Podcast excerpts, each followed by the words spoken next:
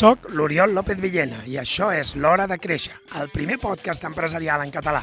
Cada setmana parlem de com desenvolupar estratègies de creixement i executar prioritats per assolir els teus objectius. Segueix escoltant si busques idees, històries i experiències que t'ajudin a gaudir d'un negoci més rendible i divertit de dirigir. Som-hi!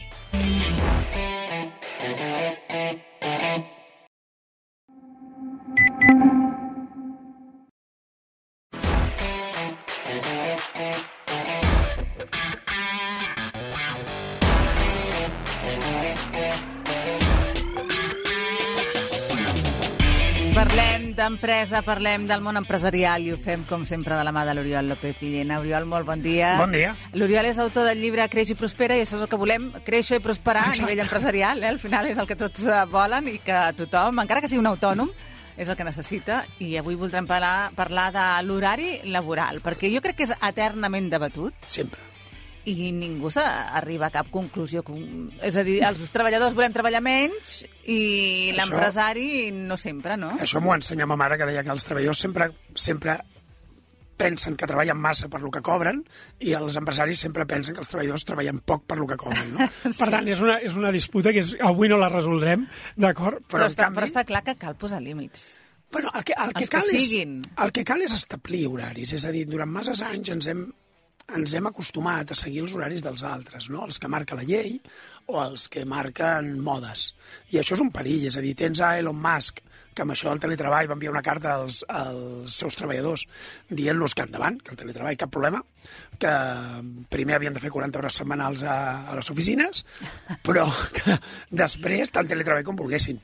I, de fet, el motiu no era, No era incorrecte, és a dir, la resposta que hi va donar és si us pregunteu per què altres empreses fan teletreball i nosaltres no, pregunteu-vos a aquestes empreses quants productes innovadors, trencadors, han tret en els darrers anys.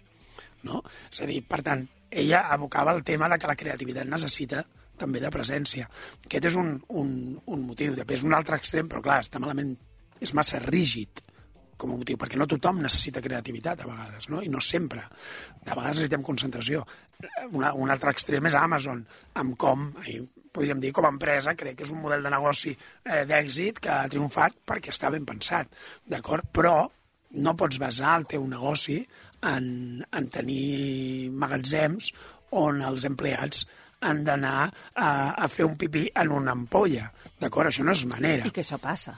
I llavors, clar, això, això, això crema. I no pots basar el creixement en cremar. I l'altre costat són aquelles empreses que han agafat aquests temes a vegades de les jornades laborals de quatre dies o, o d'acord, o coses d'aquest tipus, que està molt bé, Jason Fright, a Basecamp, ho fa.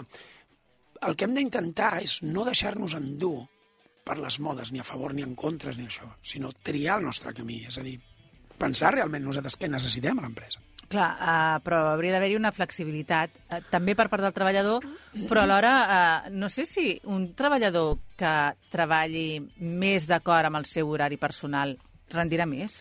Sí i no, és a dir, depèn, perquè si tu treballes, a- ahir fa unes setmanes el Toni Clapés, en la versió, en la versió RAC1, eh, un, dels, un dels personatges, no recordo quin, deia que el problema de treballar en allò que t'agrada és que eh, el problema de treballar en allò que t'agrada és que llavors no tens horari Clar, que és molt millor treballar en allò que no t'agrada. No? aquest era l'argument, no? Llavors, té, té, té, una part de, té una part de raó, eh? no, no, no li trauré jo pas ara, però, clar, el, el, ha d'haver uns límits, però deixar treballar el treballador en el que vol, com vol ell, a vegades no és el que interessa a l'empresa i a vegades no és el que li interessa a ell. Si un treballador vol créixer, necessita fer coses noves. Per tant, jo animo a buscar aquest equilibri entre concentració i creativitat. D'acord? De vegades necessites temps de concentració i, per tant, en aquell moment necessitaràs estar més tancat i potser el teletreball funcionarà molt bé i de vegades necessites moments d'espontaneïtat, de converses de cafè que permeten eh, innovar, perquè permeten anar seguint un fil. I això moltes vegades ni el treballador ni l'empresa poden forçar-ho des de només el seu punt de vista. Per tant, han de buscar aquest punt d'equilibri, en què a vegades eh, s'haurà de triar. I hi haurà treballadors que podran triar un tipus horari o un altre. Jo no animo a fer cartes, a fer manual, o sigui, una carta, i cada treballador tria exactament què vol fer i diu jo treballo aquestes hores, jo treballo... Jo crec que això eh, li treu una part de l'equació, que és l'empresa. Però està molt bé que el treballador vulgui treballar una sèrie de manera. Però i l'empresa que li interessa? Per tant, això és un acord. Jo animo més a fer menús. perdó, a fer menús, és a dir, a crear una flexirigidesa, és a dir, una flexibilitat, és a dir, els treballadors poden triar en funció del seu perfil a dins de l'empresa, en funció del seu lloc de treball i què s'espera d'ells. I què s'espera d'ells no només ara, sinó de futur. Per tant, sí. fins i tot potser hauria d'haver-hi un acord eh, parlat entre sí. treballador i, i empresari. Sí, perquè crec que el, la clau aquí és que tots dos tenen unes expectatives i el treballador millor vol créixer professionalment, però si el deixem només fent el que ara mateix fa i no necessita més temps ni més coses a fer que el que ara mateix fa no creixerà. Segur.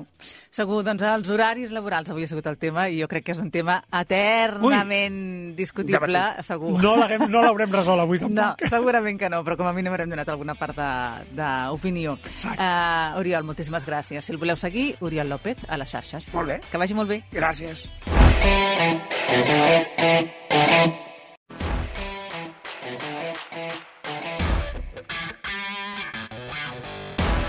Gràcies per acompanyar-me en aquest episodi de l'Hora de Créixer. Si t'ha agradat, ja saps què has de fer. Escriu una ressenya, comparteix-ho amb algú i uneix-te a la comunitat de les empreses proactives. Gràcies per escoltar-me i recorda, l'acció és qüestió de prioritats.